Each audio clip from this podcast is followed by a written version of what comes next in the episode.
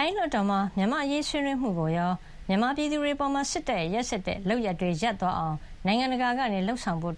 ကုလသမဂ္ဂ လူ့အခွင့်အရေး မဟာမင်းကြီးရဲ့ တောင်းဆိုမှုကိုပါ မြန်မာစစ်ကောင်စီက ကန့်ကွက်လိုက်ပါတယ်။စစ်အာဏာသိမ်း ၃ နှစ်အလွန် ထိုင်း-မြန်မာနယ်စပ်က လုံခြုံရေး ရိုက်ခတ်မှုတွေနဲ့ မြန်မာနိုင်ငံ ဒီမိုကရေစီရဖို့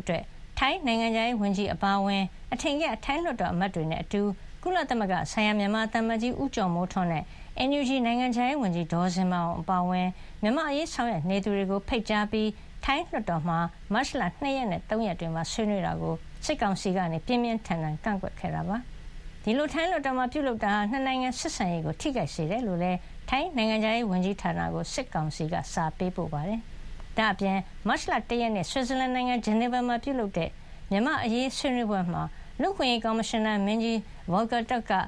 စစ်တပ်ရဲ့ရက်စက်တဲ့လုပ်ရပ်တွေရပ်သွားအောင်နိုင်ငံတကာကဝိုင်းဝန်းဆောင်ရွက်ပေးဖို့တောင်းဆိုမှုတွေကိုလည်းသောကြာနေ့မှာပဲစစ်ကောင်စီက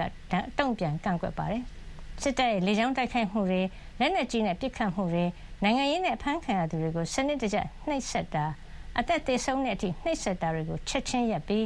အရပ်သားတွေကိုအကာအကွယ်ပေးဖို့လူ့အခွင့်အရေးမဟာမင်းကြီးကတောင်းဆိုတာပါ။စစ်ကောင်စီကတော့မဟာမင်းကြီးရဲ့ပြောဆိုမှုတွေဟာ ပြည်တွင်းအကြမ်းဖက်အဖွဲ့တွေရဲ့ ဝါဒဖြန့်မှုတွေ၊စွပ်စွဲချက်တွေ ထင်ဟပ်နေကြောင်းနဲ့ စစ်တပ်ဘက်က ကျူးလွန်မှုမရှိဘူးလို့ တုံ့ပြန်ခဲ့ပါတယ်။